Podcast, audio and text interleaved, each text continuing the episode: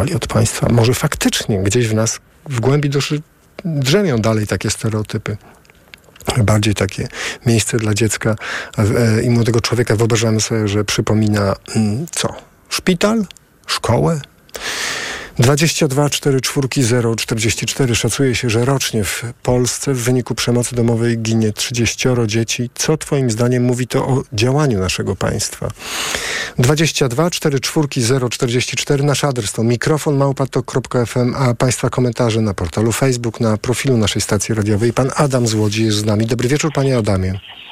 Dobry wieczór, kłaniam się pięknie. Słuchamy. Ja zacznę od tego, że y, tak nas naprawdę y, w Polsce żadnego systemu ochrony, obrony tych dzieci przed ich y, ciężkimi doznaniami nie ma. Te wszystkie ustawy, ich kolejne nowelizacje to są takie fikcje literackie, które przypominają dzisiejsze łatanie dziur trakcie zimy, Yy, czyli nieważne, czy tam jest kałuża, czy nie kałuża, czy deszcz leje, czy śnieg pada.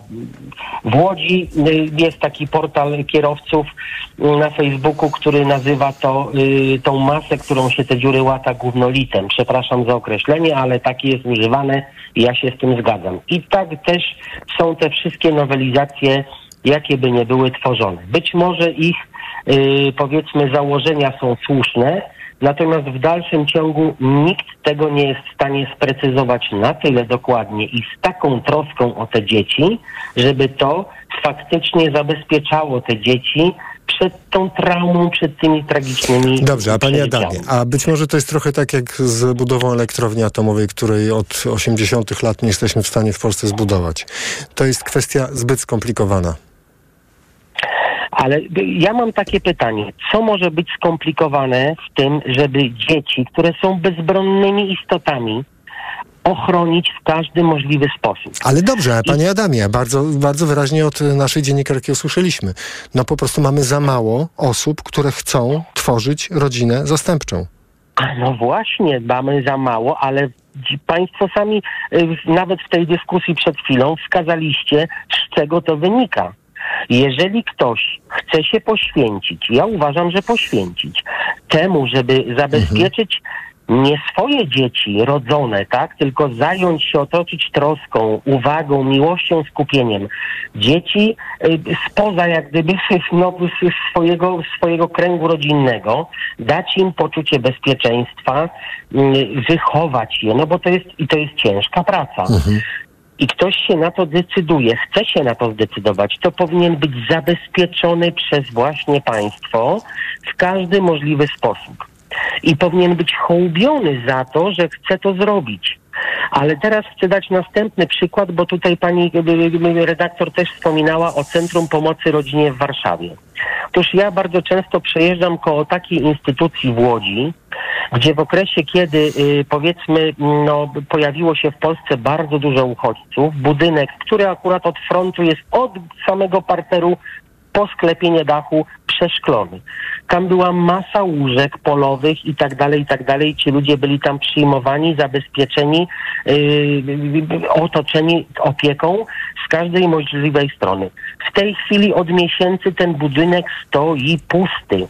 Mhm. To podlega pod Centrum Pomocy Rodzinie. I ja się pytam, dlaczego tam nie ma zgromadzonych osób, które na przynajmniej na jakiś czas mogłyby się zaopiekować dziećmi, które natychmiast należy zabrać z rodzin, gdzie jest przemoc, alkoholizm, bicie i wszelkie innego rodzaju tragedie. No dobrze, ale panie Adamie, nie wiemy jak ta perspektywa wygląda, z, kiedy się popatrzy z dystansu na to, w jaki sposób akurat Łódź sobie z tym radzi. Być może akurat ten problem to nie jest Myślę, duży problem, że to nie jest kwestia tylko Aha. Łodzi. Myślę, Aha. że to nie jest kwestia tylko Łodzi, wie pan. Ja podejrzewam, że takich y, ośrodków w Polsce, no nie tylko w Łodzi czy w Warszawie występują, tak? Myślę, że to są y, też y, wszelkiego rodzaju gminne ośrodki, mhm. gdzie gdzieś też tam jakaś pomoc powinna być udzielana. Natomiast ja się zastanawiam nad tym, dlaczego dzisiaj do tej pory ogrom publicznych pieniędzy był i jest po prostu marnotrawiony, zamiast przeznaczyć na te, właśnie na está istotný na ochronę dzieci, bo te dzieci są też naszą mhm. tak? Panie Adamie, dajmy jeszcze no, szansę to... innym słuchaczom. Bardzo dziękuję, że pan do nas zadzwonił i poruszył te wszystkie wątki. Pan Adam z Łodzi był z nami. Nasz numer to 22 4 4 0 44 22 4 4 0 44. Szacuje się, że rocznie w Polsce w wyniku przemocy domowej ginie 30 dzieci. Co twoim zdaniem mówi to o działaniu naszego państwa? E, pani Magda z Poznania jest z nami. Dobry wieczór, pani Magdo. E, dobry wieczór. Miło mi, że się dodzwoniłam. E, nie słuchałam od początku e, audycji, natomiast temat jest dla mnie bardzo wrażliwy, ponieważ można powiedzieć, że znalazłam się w pewnym sensie w tym systemie. Moje dzieci nie zostały mi odebrane. Jestem matką, która jest w trakcie rozwodu. E, ale chciałabym naświetlić sprawę biegłych, którzy pełnią funkcje biegłych sądowych e, przy sądach, e, którzy zabierają głos, wydają opinie na temat sytuacji dzieci w sytuacjach kryzysowych. Niewątpliwie każdy rozwód jest sytuacją kryzysową dla dzieci. W moim przypadku nie było żadnej przemocy fizycznej, była to przemoc psychiczna, była to przemoc psychiczna w stosunku do mnie, ale mniejsza o to. E, natomiast ta przemoc narastała w momencie rozwodu i dotyczyła dzieci. E, w Polsce mamy taki system, a nie inny, gdzie biegły wydając opinię e, nie jest ponoszony, nie, nie ponosi żadnych konsekwencji ze względu na to, czy opinię wyda właściwą, czy opinię wyda niewłaściwą. Sądy działają w ten sposób, że opinia biegłego jest świętością, jest niepodważalna. Nikt, żaden biegły inny opinii swojego kolegi po fachu Y, że tak powiem, nie podważy. Y, I sądy, jak również biegli, zamiast y, koncentrować się na tym, aby faktycznie pomóc dzieciom, pomóc rodzicowi, który jest też w kryzysie, w związku z czym i dzieci są w kryzysie, wydaje lekką ręką opinie te, mówiące o tym, że dzieci powinny w sytuacjach tego rodzaju trafić do pieczy zastępczej. Pani Magda, jak to było? Czy pani się była, była taka sytuacja, miała pani możliwość odniesienia się e, w jakiś sposób do tej opinii, zakwestionowania jej przed sądem? E, mm, teoretycznie taka możliwość istnieje. Natomiast sankcje są takie, że ten sam biegły y, wypowiada się po raz kolejny w tym samym przypadku. Y, proszę mi wierzyć, że nie jest on y, bardziej przychylny co do sytuacji dzieci i obiektywizmu, ponieważ jego opinia zostaje podważona. I tutaj w Poznaniu akurat w sądzie okręgowym mamy taką sytuację, że znalazła się mm, w mediach społecznościowych grupa osób, która jest pokrzywdzona przez opinię takiego biegłego. Mhm. Konsultowaliśmy to również z e, prawnikami wieloma, w jaki sposób można tę sytuację zmienić, naprawić. Otóż nie ma żadnego hmm. przepisu, nie istnieje żaden paragraf, który y, pociąga do odpowiedzialności biegłego mhm. za wydanie takiej opinii. Dla biegłego po prostu rodzic w kryzysie jest rodzicem w kryzysie, krótko mówiąc nie nadaje się do y, opieki nad, dzie nad, dziećmi i o mały włos moje dzieci trafiłyby do pieczy y, zastępczej, w czym, przy czym jedno było w głębokiej depresji. Pani Magdo, bardzo dziękuję za to, że Pani do nas zadzwoniła i podzieliła się swoim doświadczeniem. Pani Magda z Poznania była z nami. 22 4 4 0 44. Państwo komentują również na portalu Facebook, na profilu Radio Tok FM. E, pan Janusz z Kośminka jest z nami. Dobry wieczór, Panie Januszu. Kłaniam się. Wie pan, no, się trochę znam na tak zwanej polityce społecznej, choć jest to złe określenie. Szczególnie gdy mówimy, nie wiem, o osobach, które są krzywdzone albo które są zależne, niesamodzielne, nie mogą upomnieć się o siebie. Ale wie pan, odnoszę wrażenie, że w tej dziedzinie w Polsce dominuje ideologia cały czas. E, ta ideologia, wszystko jedno, jaka władza e, w Polsce rządzi, przemieszczamy się w sferze ideologii, bo takiej chociażby ideologii patriotyczno-katolicko-prorodzinnej, tak? Kiedy jeszcze niedawno mówiono, że rodzina jest najlepszym miejscem dla dziecka, dla seniora, dla osoby zależnej, nie patrząc na to, jaka jest ta rodzina. Podobnym przykładem jest to, że mówimy, niektórzy mówią, że domy pomocy społecznej są złe, bo przecież e, na, najlepsze są usługi w środowisku. I wie pan, i chodzi o to, że wszyscy mają tu rację. Zarówno w przypadku domów pomocy społecznej dla seniorów, osób niepełnosprawnych czy domów dziecka nie da się wprowadzić jednego systemu. Na przykład tylko i wyłącznie e, rodzinnej pieczy zastępczej albo usług środowiskowych dla seniora. Halo? Droga mu, musi być, bo pewna, bo pewna e, liczba osób e, wymyka się, e, wymyka się możliwością pomocy w środowisku. To dotyczy seniorów, dotyczy też dzieciaków.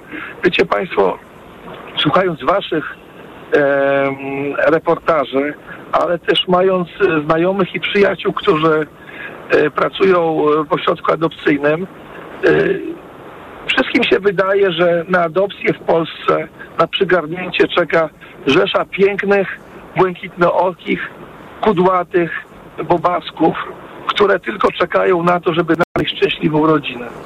E, Bardzo często, a może w większości przypadków, w Polsce już nie ma sierot naturalnych. Takich sierot, w których rodzina, rodzice zginęli, tak? I nie ma kto się nimi zająć.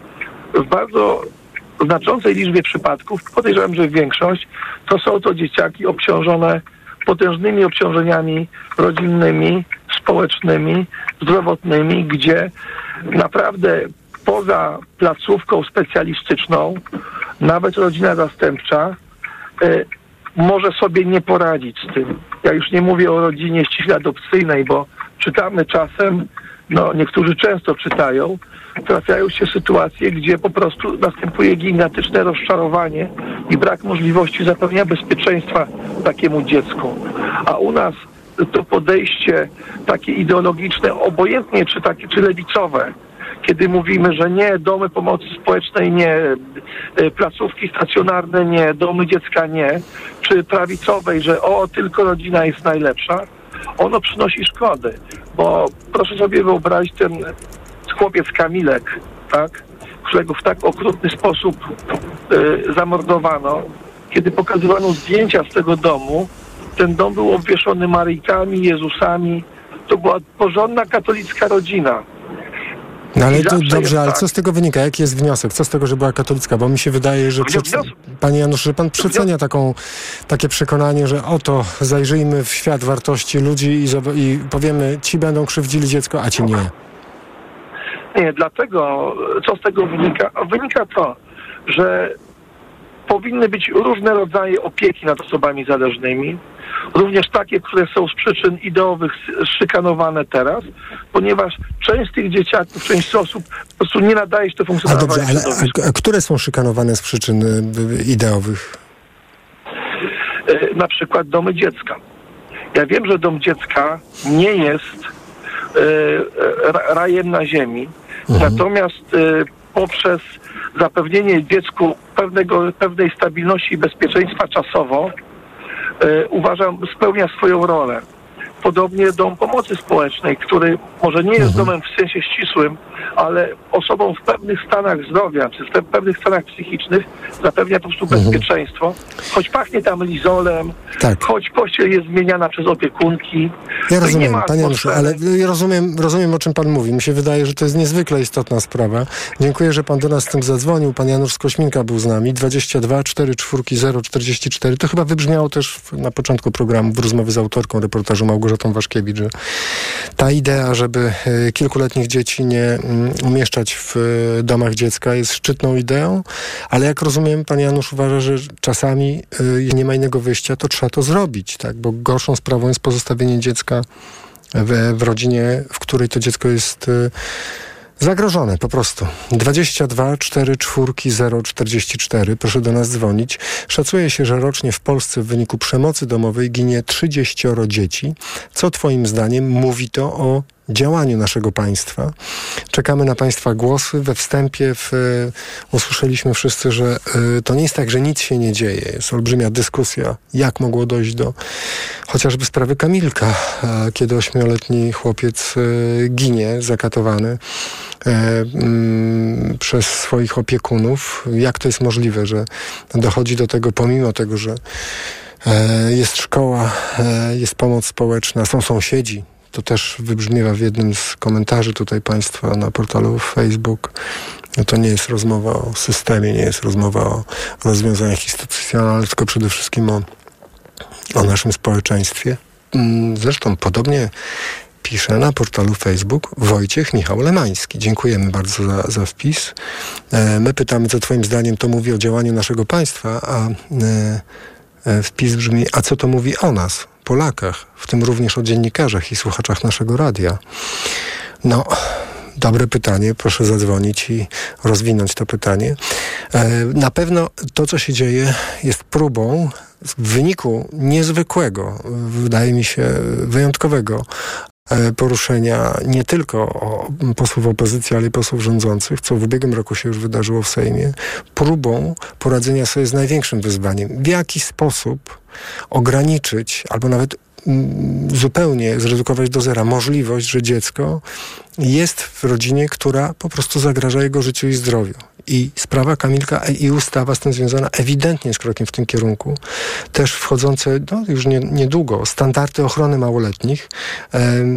To jest e, tak naprawdę, proszę Państwa, ustawa, która mówi, jeśli w szkole, u lekarza, gdziekolwiek, jakakolwiek instytucja, e, dostaje sygnał, że dziecku może grozić niebezpieczeństwo, ma reagować. W największym skrócie to jest filozofia tej, tej ustawy, co nie zmienia faktu, że oto, tak jak słyszeliśmy w reportażu, ileś dzieci w Polsce teraz, nawet w trakcie tego programu, proszę Państwa, jest w rodzinach, w którym grozi im niebezpieczeństwo. No, po prostu. I to jest dramatyczne pytanie dzisiejszego wieczoru. Jak co to mówi o działaniu naszego państwa? Gdzie my widzimy swoje priorytety? 22 4 4 0 44 Pan Przemysław z Wielkopolski jest z nami. Dobry wieczór, panie Przemysławie. Dobry wieczór. Słuchamy pana. Wie pan, y, znaczy tak ogólnie to problem jest bardziej złożony, ale jak najbardziej y, zgodzę się z panią, która y, opowiadała o tym temacie bo niewątpliwie wychowanie dzieci to jest y, bardzo odpowiedzialne zajęcie i, i y, powinno być to oczywiście robione y, w ten sposób instytucjonalnie, żeby faktycznie ten y, opiekun był y, też zabezpieczony na przyszłość, bo y, nie zawsze będzie mógł sprawować swoją funkcję i też na emeryturze będzie musiał z czegoś żyć. Ale jeszcze odnośnie właśnie dzieci i tych domów dziecka. Z wykształcenia jestem psychologiem i y, też y, zdarzało mi się przebywać w domach dziecka. I ktoś, kto tak naprawdę bliżej nie przyjrzy się tego tematu, to y, tego nie idzie opowiedzieć słowami. Trzeba tam być, trzeba Y, widzieć, jak te, jak te dzieci... Ale to proszę to skonkretyzować, panie Przemku, bo ja zrozumiałem z początku pana wypowiedzi, że pan jest zwolennikiem e, umieszczania w tego typu placówkach dzieci. Nie, nie, nie, nie, nie. nie. Y, y, y, chodzi mi, żeby umieszczać dzieci, tak jak pani powiedziała, w, w zawodowych rodzinach y, zastępczych. No dobrze, no ale nie, a kiedy nie mamy tych wystarczająco dużo tych rodzin, to co wtedy? Znaczy, no, bo to jest klucz tego problemu. Tak, przypuszczam, że y, y, y, jak mówił to przedmówca, jeżeli nie ma takiej możliwości, żeby więc dlatego muszą te dzieci tymczasowo faktycznie być w tych domach dziecka. Mhm. Rozumiem. Raczej to jest inne rozwiązanie na tak, żeby od razu coś na od razu wymyślić. Mhm. Panie Przemysławie, bardzo dziękuję za to, że pan do nas zadzwonił. Pan Przemysław z Wielkopolski był z nami. Nasz numer to 22 4 4 44. Pani Aleksandra z Piaseczna napisała na adres mikrofon małpatok.fm. Dobry wieczór. Ja zastanawiam się, dlaczego można ukarać przestępcę więzieniem i ograniczyć mu prawa, a nie można rodziców nadużywających alkoholu, biorących narkotyki skierować na przymusowe leczenie. Pisze pani Aleksandra ale właśnie, Pani Aleksandro, to się dzieje. To znaczy, e, e, co do zasady leczenie osób uzależnionych, uzależnionych w Polsce no jest dobrowolne, ale sąd może nałożyć e, przymus leczenia. No w każdym razie tak, się, tak bywa w Polsce, Pani Aleksandro, że, że sąd E, kieruje na przymusowe leczenie. I pani Aleksandra pisze tak, dajmy te mieszkania rodzinom. Mm, aha, e, dlaczego gdy w rodzinie jest przemoc, to dziecko musi opuścić dom? Dajmy te mieszkania rodzinom zastępczym, pomóżmy przystosować je do życia. Myślę, że jest więcej osób, które chciałyby być rodzicami zastępczymi, ale nie spełniają warunków, na przykład mieszkaniowych. Niestety dzieci nie są wyborcami i myślę, że to też jest powód, dla którego państwo nie działa. Hmm. Pani Aleksandro, bardzo dziękujemy za te wątki, które Pani dołączyła do naszej e, dyskusji. Szczególnie mm, ktoś może powiedzieć, no to zaraz, to i polityka mieszkaniowa, i myślenie o tym, że dzieci nie mają głosu, w związku z czym to, się, to bardzo ciekawe jest to, że to jest Pani Aleksandro, niech Pani do nas zadzwoni, 22 44 044. E, pani Małgorzata Skielc jest z nami. Dobry wieczór Pani Małgorzato. Dobry wieczór. Słuchamy. E, Ja może tak z perspektywy prawnika, jestem prawnikiem, aplikantem adwokackim i przysłuchuję się tutaj dyskusji i wydaje mi się, że jeden problem jeszcze nie wybrzmiał tutaj. E, I to jest e, problem taki, że w Polsce panuje takie przekonanie, szczególnie w sądach, że dziecko musi być przy matce, a nigdy przy ojcu. I sądy niestety są bardziej przychylne matkom, pomimo tego, że żyjemy w takich czasach, że alkoholizm, e, nieudolność rodzicielska, przemoc to jest problem zarówno kobiet, jak i mężczyzn. I e, czasami dochodzi do sytuacji nawet absurdalnych, powiedziałabym, gdzie sądy są bardziej skłonne oddać dziecko w pieczę zastępczą niż ojcu tego dziecka.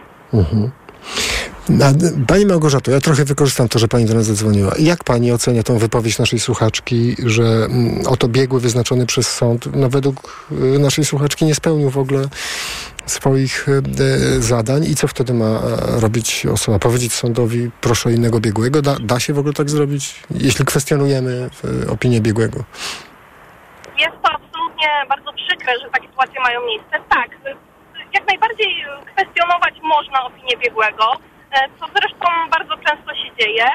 W skrajnych przypadkach można też wnioskować o opinię innego biegłego i zdarza się, że rzeczywiście sądy są przychylne do tego, żeby y, opinia była wydana przez innego biegłego. Wiadomo, że to trzeba mocno uargumentować, szczególnie w przypadkach, kiedy na przykład y, z jakiegoś powodu biegły, który wydał oryginalnie opinię, nie był odpowiedni dla tego typu opinii. Na przykład, kiedy dziecko jest chore, kiedy dziecko na przykład e, jest nieneuronormatywne, e, a akurat ten pierwszy biegły nie ma na ten temat wiedzy.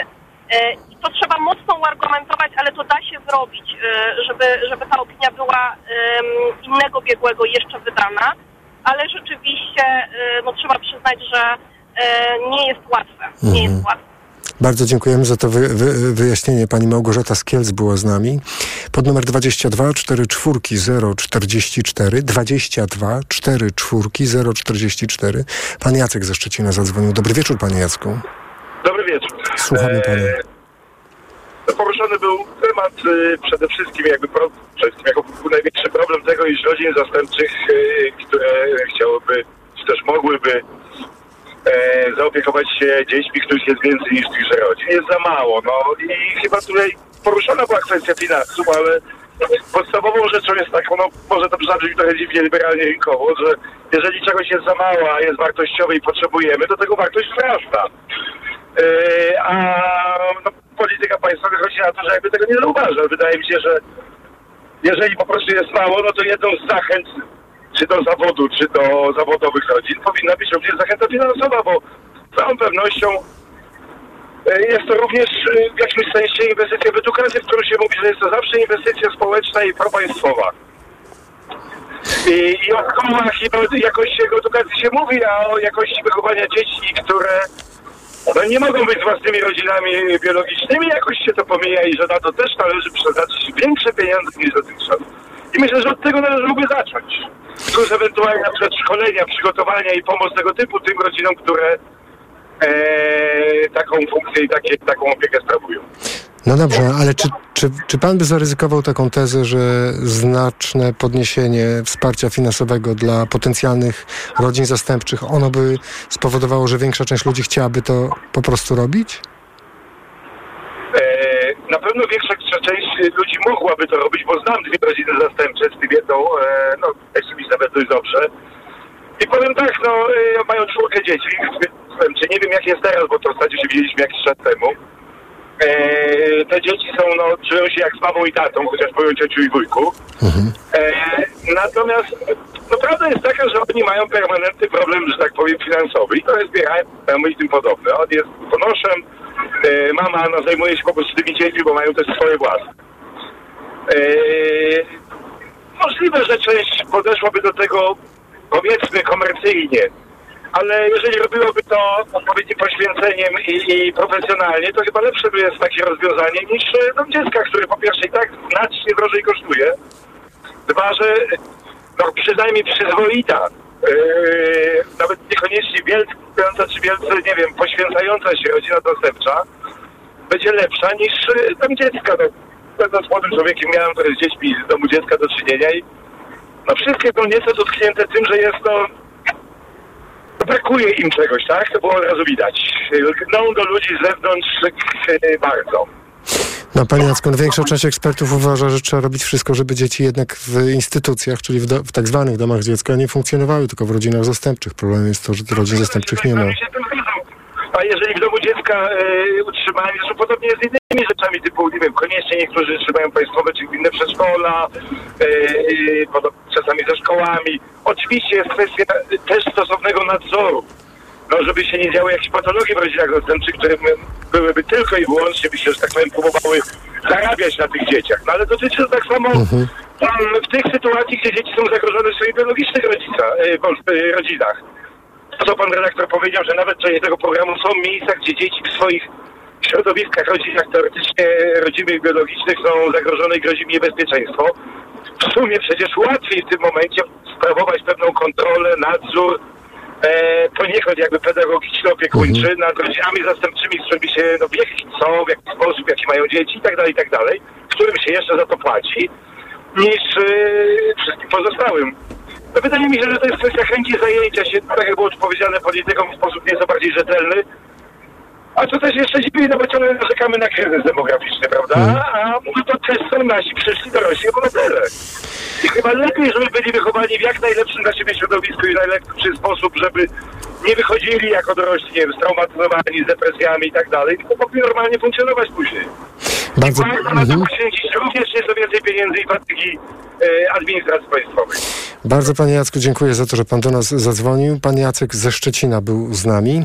22 4 4 0 44 to jest numer telefonu do e, Radia Tok FM. Pani Jermina napisała, obecnie sytuacja jest taka, że państwo polskie oraz radni powiatowi stosują po prostu przemoc ekonomiczną wobec dzieci w pieczy zastępczej, bo pokutuje przekonanie, że tu pani Irmina w, w cudzysłowie pisze, środki mają żyć skromnie. A to niby dlaczego? Roczny budżet powiatów to sto kilkadziesiąt milionów złotych albo więcej. Tylko radni powiatowi i państwo polskie zachowują się jak alimenciarze wobec dzieci w pieczy i rodziców zastępczych i starają się opędzić jak najmniejszymi kwotami. Zamiast zapłacić za komfortowe warunki w domu, za ubezpieczenie medyczne, psychoterapię, w razie potrzeby korepetycje, zajęcia y, i, spo, i sport, mm, to jest to, na co na pewno stać Polskę, Polskę i budżet powiatu, napisała pani Irmina. Bardzo dziękujemy za ten wpis. Zadzwoniła do nas doktor Agata Skalec-Ruczyńska, badaczka i ekspertka w zakresie rodzinnej pieczy zastępczej. Dobry wieczór. Dobry wieczór. Słuchamy. Bardzo przede wszystkim chciałam podziękować, że Państwo zajęli się tym tematem, bo jest to temat często e, omijany przez media albo pojawia się tylko wtedy, kiedy właśnie mają miejsce różne afery e, w rodzinach zastępczych, a to w ogóle niszczy cały wizerunek rodzicielstwa zastępczego i o tym chciałam dwa słowa powiedzieć, ponieważ ja badałam zawodowe rodziny zastępcze do mojej rozprawy doktorskiej i tam również pytałam ich o wizerunek, e, z jakim się spotykają. No i dominuje negatywny bardzo negatywny wizerunek rodzicielstwa zastępczego. Najczęściej można by to skrócić jako oskarżenie o dorabianiu się na dzieciach. Czyli jakby nie ma takiego zrozumienia, y, czym się zajmuje rodzina zastępcza, że trzeba mieć naprawdę no, takie ponadprzeciętne kompetencje rodzicielskie i nie tylko, bo wiedzieć o traumie, wiedzieć o przywiązaniu, żeby móc właściwie pracować z dzieckiem, które trafiło do pieczy zastępczej. To, o czym już pani redaktor też mówiła, że mm, dzieci, nasze dzieci, które trafiają do pieczy zastępczej, no to są dzieci po traumach, po nadużyciach, po bardzo wieloletnich zaniedbaniach i trzeba naprawdę bardzo wiele pracy, umiejętności, wiedzy, żeby, e, żeby te dzieci wyprowadzić, żeby móc im jakby stworzyć na nowo ten świat, e, bezpieczny świat. Więc, Jeśli pani e, robiła badania, to e, muszę zapytać o to. Pewnie słuchacze i słuchaczki Proszę. również są zainteresowani. Osoby, które decydują się mm, na ten rodzaj działalności, to jakie, jakie generalnie intencje im przy, przyświecają? One chcą po prostu pomóc jakimś dziec, dzieciom, część z nich może bardziej ekonomiczne ma przyczyn. Jak to wygląda? E, Wie pan co, jakby ja się pytałam rodziców na ile, bo ja badałam zawodowych rodziców zastępczych, czyli ten nasz wycinek, około 3000 e, rodzin takich zastępczych mamy w Polsce. I oni wszyscy właściwie mówili, że to jest dla nich zarówno misja, jak i praca. Czyli nie ma czegoś takiego, znaczy jedna z mam zastępczych się śmiała, że jeżeli ktoś by zrobił to tylko dla pieniędzy, to długo nie wytrzyma.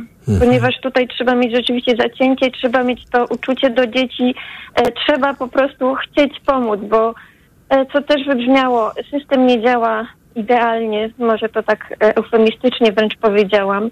E, brakuje specjalistów, e, dostępu do specjalistów. E, często jakby rodzice zastępczy dokładają z własnej kieszeni na terapię dzieci, których są niezbędne, żeby te dzieci mogły właściwie funkcjonować. E, Więc no, dla mnie y, to też jest tak, że to jest praca i misja, ale ja osobiście jestem wręcz za profesjonalizacją rodzicielstwa zastępczego. Czyli żeby to był taki konkretny zawód, o czym była mowa, nie umowy zlecenia, tylko konkretny zawód, e, takie wynagrodzenie, które pokazuje, jak jest to ważna rola dla społeczeństwa, e, umowa o pracę, realne urlopy, tak, bo tego też nie ma.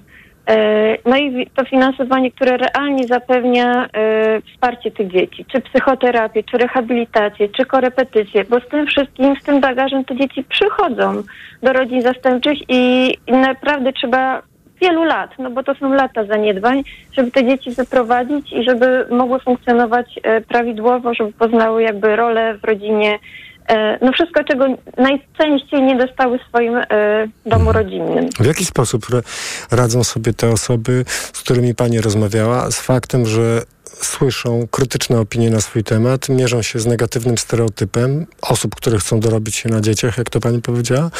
A, a jak, on, jak żyją z tym? Jak, co, No jest im bardzo trudno, bo jeżeli jakby, y, powiem tak kolokwialnie, dostają kopniaki z każdej strony i kłody są im rzucane pod nogi, to często odbywa się to jakby ich kosztem. Y, Dużo rodzin mówiło, że jakby nie ma zrozumienia w środowisku, nawet często w ich dalszej rodzinie i oni często jakby kolegują się między sobą, między rodzinami zastępczymi, ponieważ nie wszyscy rozumieją, na czym polega ich rola i czemu jak zapraszamy na imieniny, to przychodzi ze mną czwórka albo ósemka dzieci, w zależności jaka to jest forma pieczy Więc e, tym bardziej takie osoby też same mówią, że potrzebują i superwizji, e, i dostępu do porad psychologiczno-pedagogicznych, i szkoleń, żeby sobie móc z tym radzić. Taką no, troszeczkę czasami niechęcią, e, czasami niezrozumieniem, bo jakby to, mm, ten negatywny wizerunek wynika jakby z dwóch źródeł. Przede wszystkim no, z jednej strony to są te doniesienia medialne, o których wspomniałam.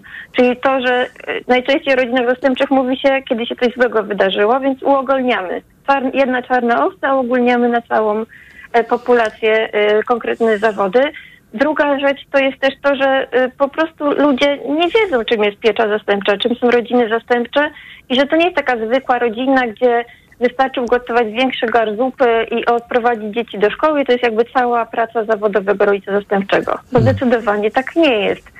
E, No i e, wszystko to powoduje, że jak nie ma zrozumienia, to nie ma przychylności. No i ja pamiętam historię jednej z mam z wywiadów, która powiedziała, że jak idzie, idą ich dzieci do szkoły, to na nie bardziej się podejrzliwie patrzy. Jak będą miały dwie y, skarpetki nie do pary, no to od razu je zgłoszą do pani wychowawczyni. A w takim, jakby to było dziecko, powiedzmy, w normalnej rodzinie biologicznej, no to takie mi- rzeczy nie, nie miałyby zupełnie miejsca. Bardzo pani dziękuję, że pani do nas zadzwoniła. Doktora Gata Skalec-Ruczyńska, badaczka i ekspertka w zakresie rodzinnej pieczy zastępczej była z nami. Szacuje się, że rocznie w Polsce w wyniku przemocy domowej ginie 30 dzieci. Co twoim zdaniem mówi to o działaniu naszego państwa? To jest pytanie do słuchaczy i słuchaczek Radia Tok FM. Nasz numer to 22 44 044. Za 3 minuty godzina 21. Informacja Radia Tok FM, które przedstawi Marcin Grzebielucha. Po informacjach kolejne Państwa głosy na naszej antenie. Mikrofon, Tok FM. Tok FM.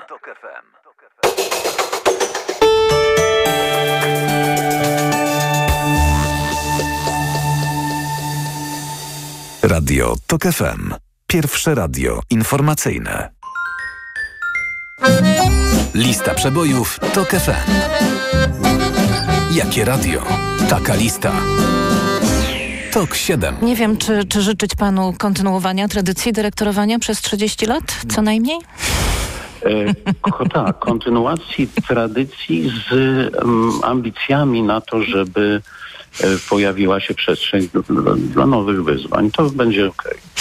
Bardzo dziękuję. Wojciech Malajka, dyrektor Akademii Teatralnej w Warszawie, reżyser, aktor, a już od września dyrektor Teatru Współczesnego w Warszawie. Bardzo dziękuję. Lista przebojów TOK FM. Słuchaj i głosuj na portalu informacyjnym tokefm.pl. Reklama. Aniu, zobacz, kolejny raz wyświetla mi się ta reklama. Świetna inwestycja, gwarancje rządowe. Oj, nawet ten twój ulubiony aktor ją poleca. Mm, pokaż. A, wiesz co, mnie wydaje się to podejrzane. Ty zawsze masz jakieś wątpliwości. I słusznie. Według danych Urzędu Komisji Nadzoru Finansowego w ostatnim roku oszustwa na fałszywe inwestycje stały się jednym z najpopularniejszych sposobów wyłudzania pieniędzy. Uważaj, gdzie i komu udostępniasz swoje dane. Więcej informacji o cyberoszustwach znajdziesz na knf.gov.pl. Witotal dla mężczyzn to witaminy i minerały w dużych dawkach. Plus dodatkowe składniki tylko dla mężczyzn. Witotal jest najlepszy dla nas, facetów. Suplement diety Witotal. Więcej niż witaminy. Aflofarm. Jak wiesz, mam firmę i wyszły te nowe przepisy księgowe, strasznie zawiłe. Pomożesz mi? Ty znasz się na przepisach. Na przepisach? Tak, wnusiu. Ym, może być na żurek? A nie lepiej zapytać certyfikowanych księgowych? Otwórz konto firmowe za 0 zł na zawsze i zyskaj bezpłatne konsultacje. mBank. Więcej dla firm. To nie jest oferta. Sprawdź warunki promocji konto firmowe bezterminowo za 0 zł w regulaminie na mbank.pl ukośnik 0 na zawsze. Księgowi współpracujący z mBankiem należą do ogólnopolskiej sieci certyfikowanych biur rachunkowych. Dacia Sandero ma wszystko, czego potrzebujesz w swoim aucie. Dzięki temu nie musisz godzić się na żadne kompromisy. Dacia Sandero. Samochód cię nie definiuje, to ty definiujesz samochód. Dla prawdziwych ludzi. Wybierz Dacia Sandero lub Sandero Stepway w wersji Eco G z fabryczną instalacją LPG w cenie wersji benzynowej. Zyskaj dodatkowo do 2400 zł. Umów się na jazdę testową. Szczegóły w salonach i na dacia.pl. Reklama. Radio TOK FM. Pierwsze radio informacyjne. Poniedziałek, 5 lutego minęła 21.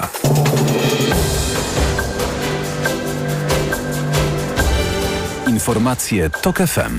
Marcin Grzebielucha. Rolnicy w kolejnych europejskich krajach wznowili drogowe protesty. Trwa pierwsza podróż zagraniczna w roli marszałka Sejmu. Szymon Hołownia wizytuje w Wilnie. Wraz z samolotami F-16 do Ukrainy mogą trafić pociski o zasięgu pół kilometra. Rolnicy z Portugalii i Hiszpanii wznowili dziś drogowe protesty, w tym blokady dróg łączących oba kraje. Manifestują niezadowolenie z polityki rolnej krajowych rządów oraz działań podejmowanych przez władze Unii Europejskiej. Rolnicy wrócili na drogi, zwołując się spontanicznie przez internet. Głównym postulatem protestujących rolników w Portugalii i Hiszpanii jest zwiększenie wsparcia finansowego, a także obniżenie kosztów produkcji rolnej, w tym w szczególności redukcja cen paliw. Według protestujących rolników konieczna jest też zmiana polityki Komisji Europejskiej, która ich zdaniem sprzyja nieuczciwej konkurencji ze strony producentów spoza Unii Europejskiej. Jakość ukraińskiego cukru sprowadzanego do Polski ma być kontrolowana. Miałby to sprawdzać Sanepid. Jak tłumaczy wiceminister rolnictwa Michał Kołodziejczak, nikt nie wie, jakiej jakości jest ten cukier i czy nie ma w nim niedopuszczalnych w Polsce związków chemicznych. Cukier, który wąchałem na granicy, po dla mnie dziwnym stwierdzeniu, że ten cukier idzie do przemysłu, może on dziwnie pachnieć. No dla mnie nie może. Dlatego występuję do Ministerstwa Zdrowia o to, by Sanepid prowadził pełen nadzór nad każdą partią cukru, który będzie przyjeżdżał do Polski. Mamy tutaj pełną gotowość do podjęcia takich działań i rozwiązań, jakie będą oczekiwane i jakie będą zgodne z stanem prawnym. Dzisiaj cukier nie podlega, tak jak pan minister powiedział, kontroli inspekcji sanitarnej. Cukru jest e, bardzo dużo, to się mówi już o ki- kilkuset tysiącach ton. Rozreguluje nasz rynek już cukrownie e, rozmawiają ze związkami plantatorów o zmianie umowy na cenę niższą. Mówili również wojewódzka inspektor sanitarna w Lublinie Jolanta Korniszuk i szef Lubelskiej Izby Rolnej Gustaw Jędrejek. Prezes Krajowej Grupy Spożywczej wyliczał w jednym z wywiadów, że od wybuchu wojny w Ukrainie import cukru wzrósł niemal 35-krotnie. Z około 20 tysięcy ton cukru rocznie do 700 tysięcy ton. Strategiczne partnerstwo Litwy i Polski jest niezwykle ważne dla całego regionu, oświadczył prezydent Gitanas Nausjeda po spotkaniu w Wilnie z marszałek Sejmu, z marszałkiem Sejmu Szymonem Hołownią, który przybywa w Wilnie z dwudniową wizytą. To jego pierwsza zagraniczna podróż, odkąd objął funkcję marszałka Sejmu.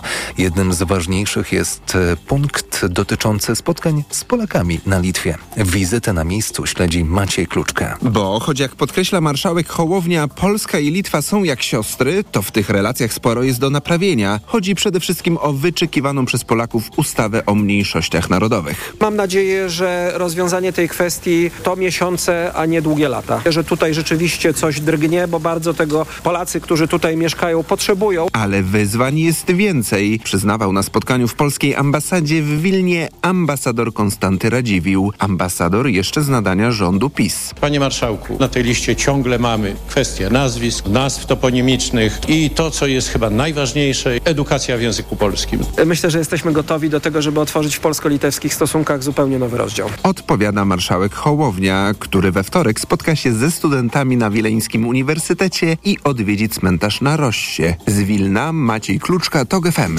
Wraz z samolotem F-16 do Ukrainy mogą trafić pociski o zasięgu pół kilometra, informuje dowództwo Zjednoczonych Sił Zbrojnych Ukrainy. Mariusz Cielma z miesięcznika Nowa Technika Wojskowa przewidywał w TOK FM, że może chodzić o amerykańskie pociski manewrujące JASM. Takie narzędzie, które pozwoli Ukraińcom podtrzymać te precyzyjne uderzenia na przykład na Półwysep Krymski. Bo do tej pory używano do tego pocisków manewrujących francuskich czy brytyjskich, a te kraje no nie mają dużych zapasów tego typu uzbrojenia. Ekspert dodaje, że takie wsparcie Ukrainy w najbliższych miesiącach będzie problemem dla Rosji. Władze w Kijowie od wielu miesięcy czekają na myśliwce. Jednym z krajów, które je przekaże jest Holandia. Tamtejszy resort obrony podał dziś, że dostarczy Ukrainie sześć kolejnych F-16. Liczba tych maszyn, jaką władze w Amsterdamie przekażą Ukraińcom wzrośnie zatem do 24. Słuchasz informacji TOK FM. Zamiast nieczynnych od lat krytych basenów powstanie tam zupełnie nowy obiekt. Pływalnia na Grunwaldzie jest wyczekiwana od lat, bo takiego obiektu brakuje w tej części Poznania. Jej budowa może ruszyć niebawem, bo miasto ogłosiło już przetarg na ten cel. Pływalnie powstanie w miejscu najpierw milicyjnych, a potem policyjnych basenów z lat 70.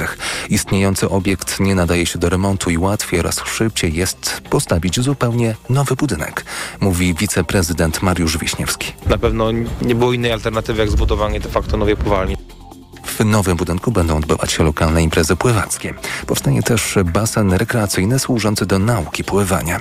Zaplanowano tam także salę do rehabilitacji i fitness. Ta pływalnia, jak wiadomo, wrosła się w tradycję tego miejsca. Przetarg na te inwestycje został już ogłoszony. Miasto czeka na ofertę do 4 marca. Teraz prognoza pogody.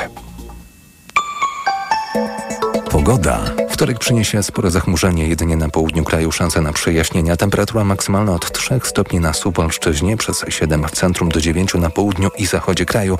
Opady deszczu głównie na północy, na północnym wschodzie deszcz ze śniegiem. Radio TOK FM. Pierwsze radio informacyjne. Mikrofon, Tok FM. Jest 5 minut po godzinie 21. Trwa program Mikrofon Tok FM. Kilkaset dzieci w całej Polsce, które decyzją sądu zostały odebrane rodzicom, cały czas mieszka w dysfunkcyjnych i pełnych przemocy domach, bo nie ma dla nich miejsca ani w rodzinach zastępczych, ani w instytucjonalnej pieczy zastępczej. Dzieci czekają nawet kilka miesięcy na bezpieczne schronienie. W tym czasie w swoich rodzinnych domach mogą być zaniedbane, poniżane, bite, bo system jest niewydolny. Tak źle nie było jeszcze nigdy. My rozpoczęliśmy od rozmowy, dzisiejszy program, to, mikrofon to FM od rozmowy z Małgorzatą Waszkiewicz, e, autorką reportażu, który wyemitowaliśmy na naszej antenie. On jest do odsłuchania na tokfm.pl i w aplikacji TokFM. E, I z tego reportażu ewidentnie wynika, że mamy potężny problem z e, przede wszystkim zbyt e, małą e, liczbą osób, które chcą w Polsce podjąć się e, tej, tego wyzwania bycia zawodowym rodzicem zastępczym. E, część z Państwa sugeruje, że to jest kwestia mm, e, wynagrodzenia. Część z Państwa, tak jak słyszeliśmy przed informacją, zwraca uwagę na negatywny wizerunek osób, które e, zajmują się w skrócie i w cudzysłowie nie swoimi dziećmi. Nasz numer to 22 44 044. My pytamy Państwa, co to mówi e, o działaniu naszego państwa, o tym, w jaki sposób my z tym problemem przez tak długi czas e, nie jesteśmy w stanie sobie poradzić. To znaczy, jak doszło do sytuacji, że teraz, nawet w trakcie trwania tego programu.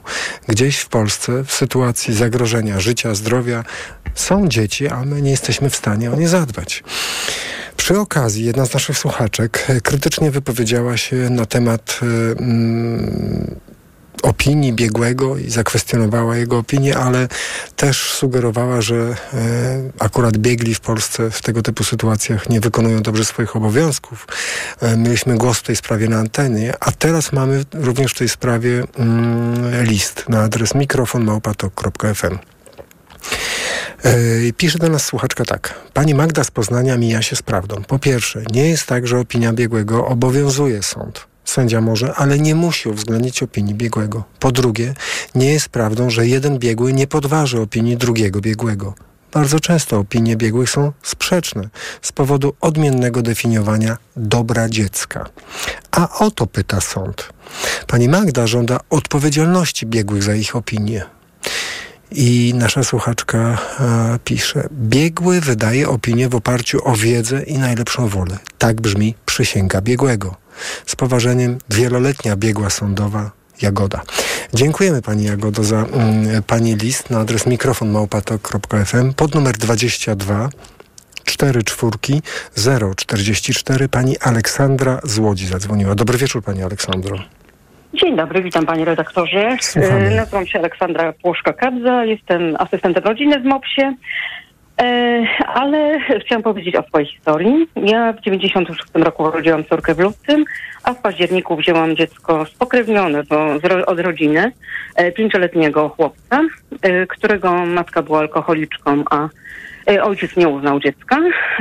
I, i, i syn ma teraz 34 lata jest superanckim chłopakiem, ale co mogę powiedzieć? Yy, W tych latach, kiedy no, on był u nas, yy, jakby pomoc yy, dla rodzin zastępczych sprowadzała się do tego, że po prostu brało się dzieciątko i zostawało samemu sobie. Czyli nie było żadnej pomocy, na przykład psychologicznej, czegokolwiek. To teraz już jest bardzo dużo, naprawdę duża pomoc jest, bo mówię, pracuję w MOPS-ie i pracuję z e, ten, e, znaczy u nas e, przedtem w MOPS-ie były rodziny zastępcze, teraz przeszły, jest w ogóle taki, może przepraszam, bo mam tremę trochę, ale jest duża pomoc, ale dlaczego? Bo spotykamy się na co dzień w naszej pracy, że też mamy rodziny, gdzie dzieciąteczka zostały umieszczone, albo w placówkach właśnie, albo w rodzinach zastępczych. Często są spokrewnione u dziadków, babci, u cioć, u, no najczęściej, ale też często się zdarza, że u, u niespokrewnionych ludzi.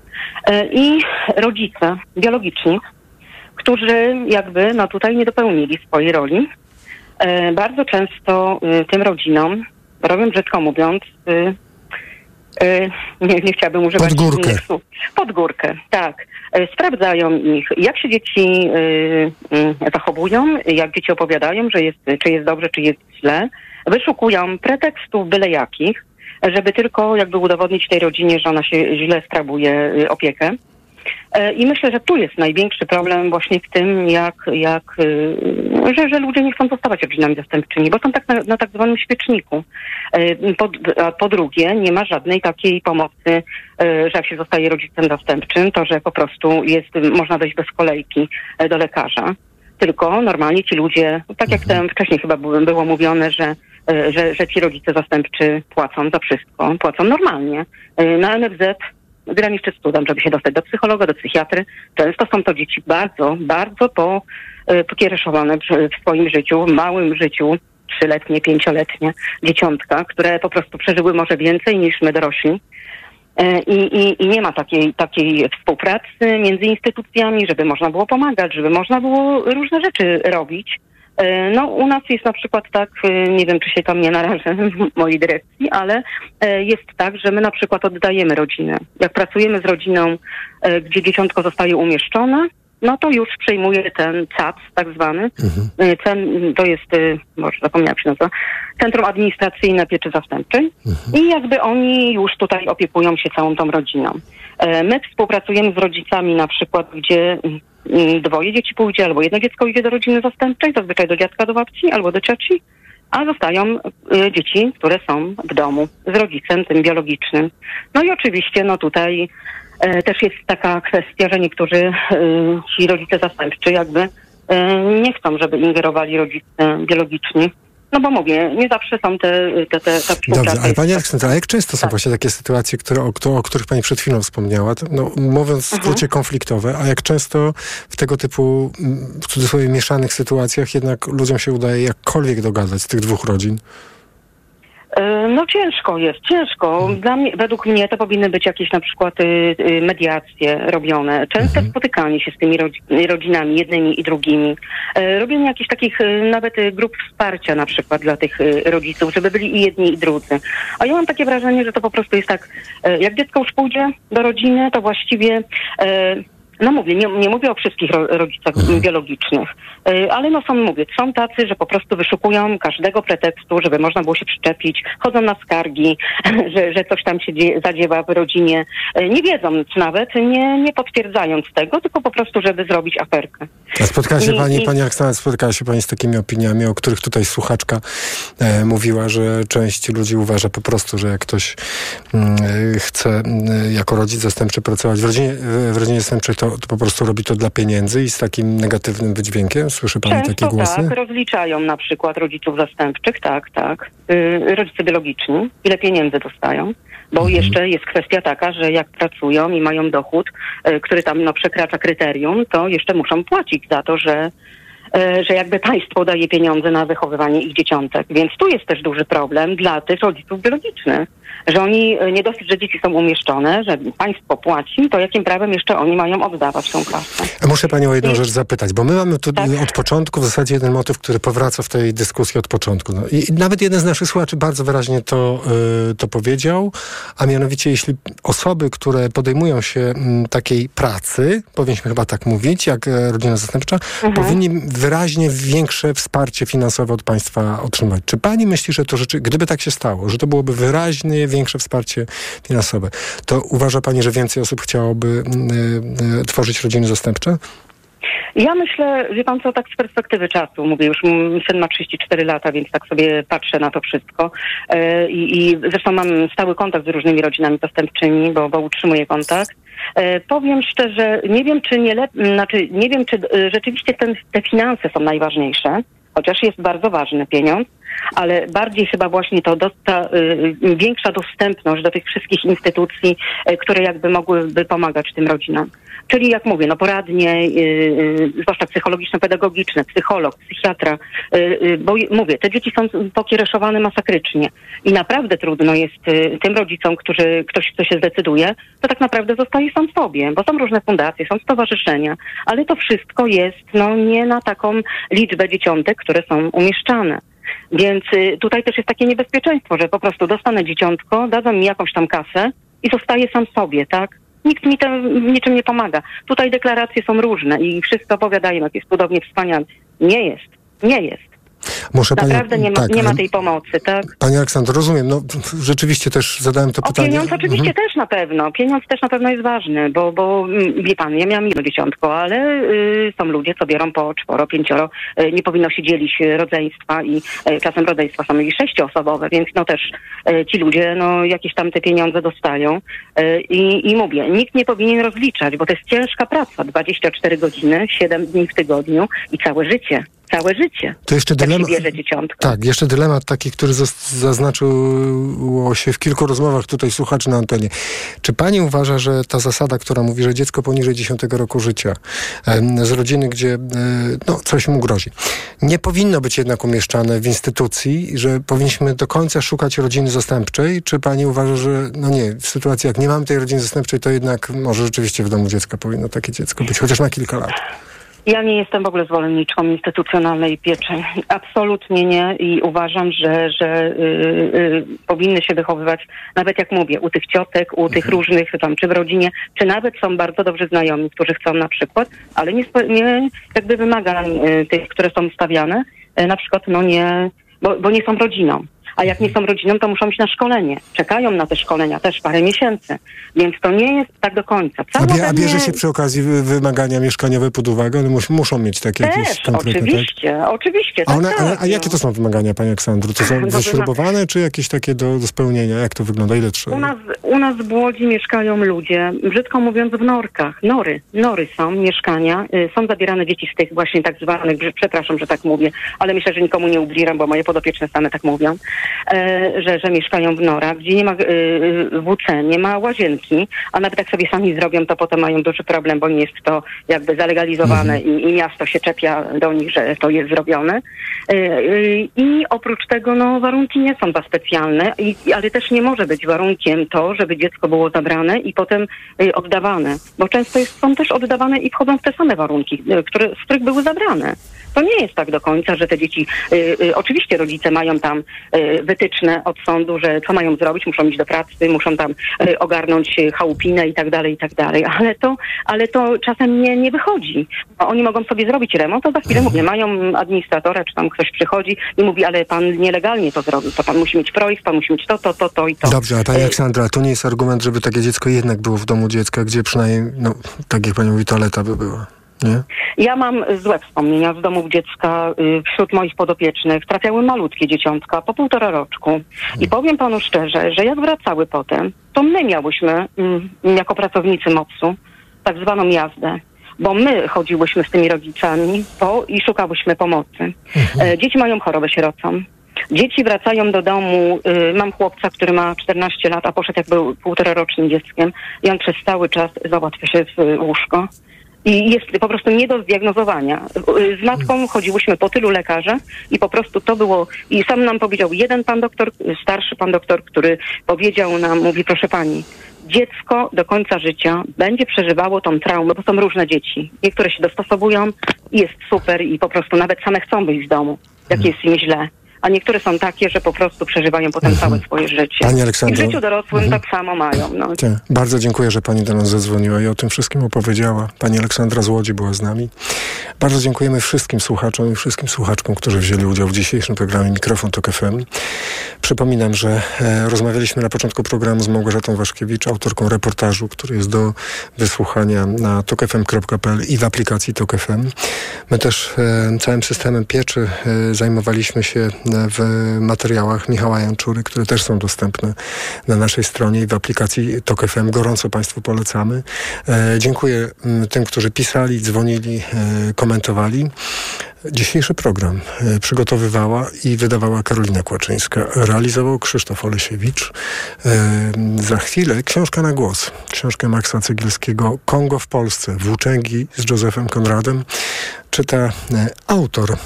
A po 22 informacje, na które zaprasza Marcin Grzebielucha. Później powrót do przeszłości. Program Karoliny Lewickiej. Do usłyszenia. Do jutra, do godziny 20 mówi Paweł Sulik. Mikrofon, Tok FM. Tok FM.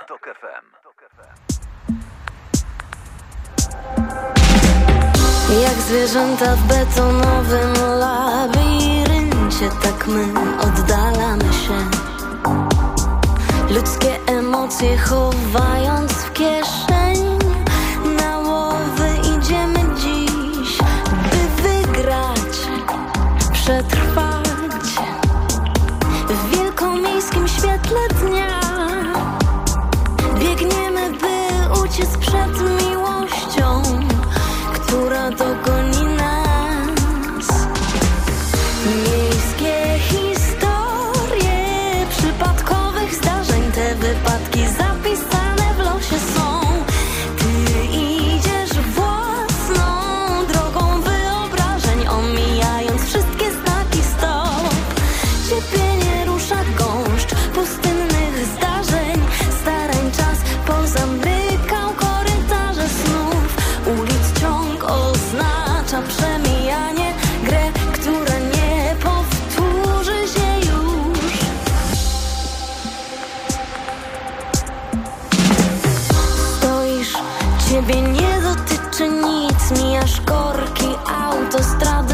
masz nawet własny tlen Własne sieci komórkowe. Wszystko masz przecież nowe.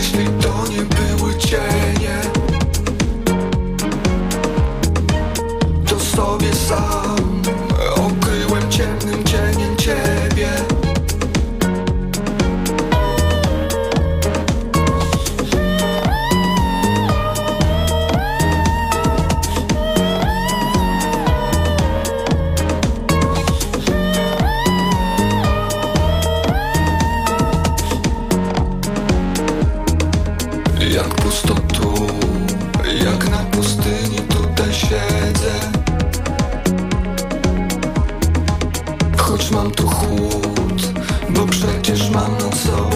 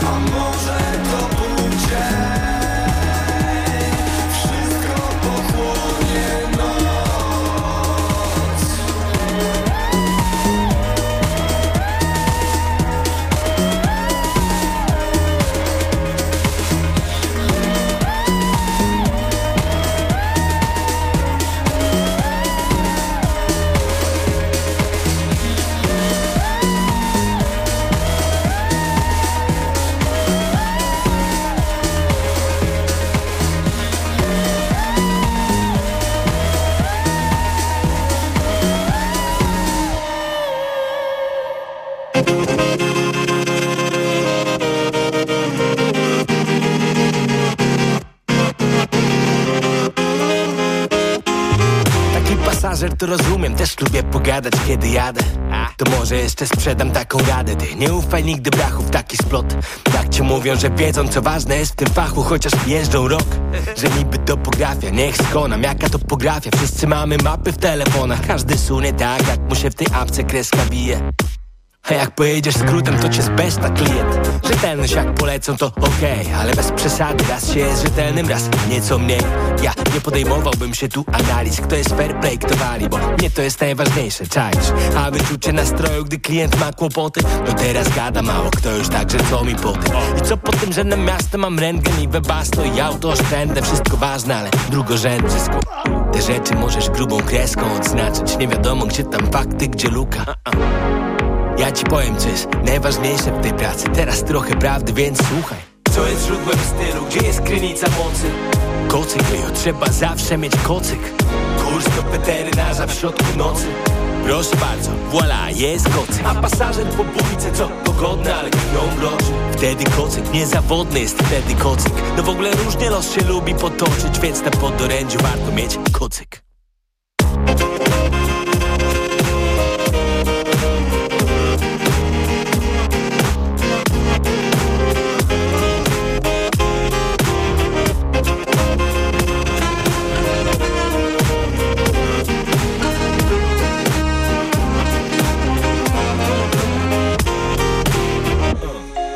Przykładzik tu bez lukru, weź ugryź Stoimy raz na słupku, jestem siódmy. Typ w brudnym stroju roboczym chce się przebić Nikt go nie chce wziąć, a ja go biorę. Mam pledzik.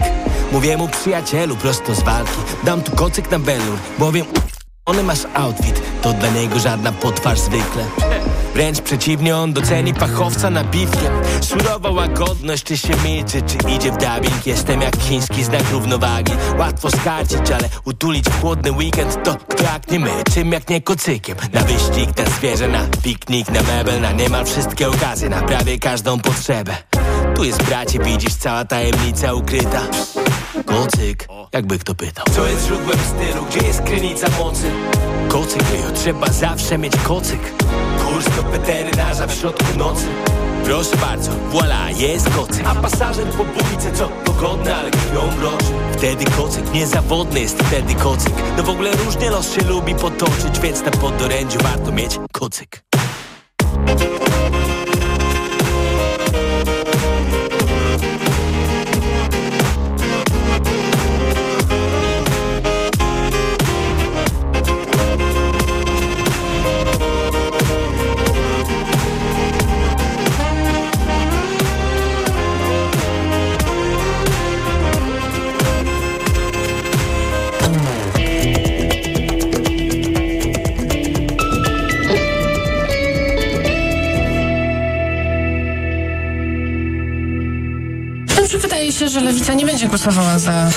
kandydaturą pani marszałek Witek do prezydium Sejmu, dlatego że no, to jest e, postać znana z takich sytuacji, jak e, musimy anulować, bo przegramy. To jest właśnie ta słynna reasumpcja. Pani marszałek Witek niewątpliwie łamała regulamin Sejmu, tym samym można powiedzieć także naruszała konstytucję. Nawet jak pani marszałek Witek zostanie wicemarszałkiem, możliwe to jest, to natychmiast e, obok tego, czy właściwie już dzisiaj, e, powinny zacząć się toczyć śledztwa w sprawie złamania prawa, bo te wszystkie reasumpcje to są przestępstwa. To jest najlepszy e, kandydat pani marszałek Witek z naszej strony i proszę, żeby opozycja na mnie wyznaczała kandydatów na to stanowisko. Stwierdzam, że wobec nieuzyskania bezwzględnej większości głosów Sejm nie wybrał pani poseł Elżbiety Witek na stanowisko wicemarszałka Sejmu Rzeczypospolitej Polskiej. Radio TOK FM. Pierwsze radio informacyjne. Posłuchaj, aby zrozumieć.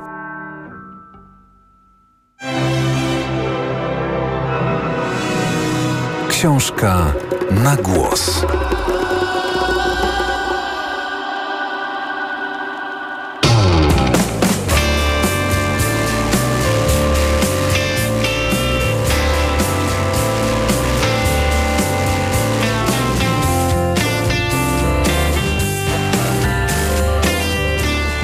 Cegielski Kongo w Polsce. Włóczęgi z Józefem Konradem.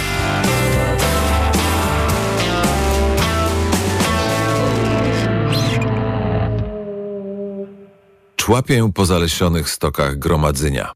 Śnieg sypie mi prosto w oczy. Włażę na 654 metry nad poziom morza, co nie jest warte wzmianki w annałach górskich wspinaczek, ale do pozbierania rozpierzchniętych myśli nie potrzebuję najwyższych szczytów Karakorum. Wystarczy mi niepozorny wierzchołek na skraju Ustrzyk Dolnych. Każdy ma własne czogori. Pokrzykiwania narciarzy ze stoku i szum muzyki giną powoli między drzewami, a im jest ciszej, tym bardziej przejaśnia mi się w głowie. Wyrównuję oddech i po płaskiej grani dochodzę do słupa z tabliczkami wyznaczającymi kierunki szlaków nowej i starej turystyki. W asamblażu tabliczek, strzałek i mapek odszyfrowuję trasę śladami bojków, grecko-katolickiej architektury sakralnej, przemysłu naftowego albo szlak cudów natury w fabryce drzew pod władzą lasów państwowych. Kręci mi się w głowie od nadmiaru możliwości. Z trudem skupiam uwagę na dwóch trasach. W 20 minut ścieżką w prawo i w dół mogę dotrzeć do czarnej jak relikt starożytności cerkwi w Równi. 30 minut drogą w lewo zejdę do Ustrzyk. Nie chcę iść do miasta, które poniżej gromadzenia śmierdzi smogiem. Mimo to decyduję, że ślizgając się po lodzie i chwytając się drzew, aby złapać równowagę, pójdę z pielgrzymką do ustrzyckiego Kirkutu. Byłem już wielokrotnie na rozstaju u szczytu górki. Sfotografowałem dla pamięci ogólny schemat atrakcji turystycznych. Ale wyparłem fakt, że w pobliżu leży żydowski cmentarz. Czy pijany możliwościami nie zauważyłem wcześniej symbolu gwiazdy Dawida? A może tylko przed sobą udawałem, że go nie widzę? Usprawiedliwiam się, że mapy są tylko dwuwymiarowe. Ich legendy zrównują długie i skomplikowane historie, mieszają najdawniejsze z najnowszym. Wciąż stojąca cerkiew staje się tak samo ważnym punktem jak ostatnie macewy żydowskiego cmentarza. Jednak przeoczenia ustrzyckiego Kirkutu nie mogę zwalić na grafiki map. Nie bez przyczyny omijałem miejsce, które miałem wielokrotnie przed nosem. Pustka i zagłada długo mnie przerastały. Uciekałem,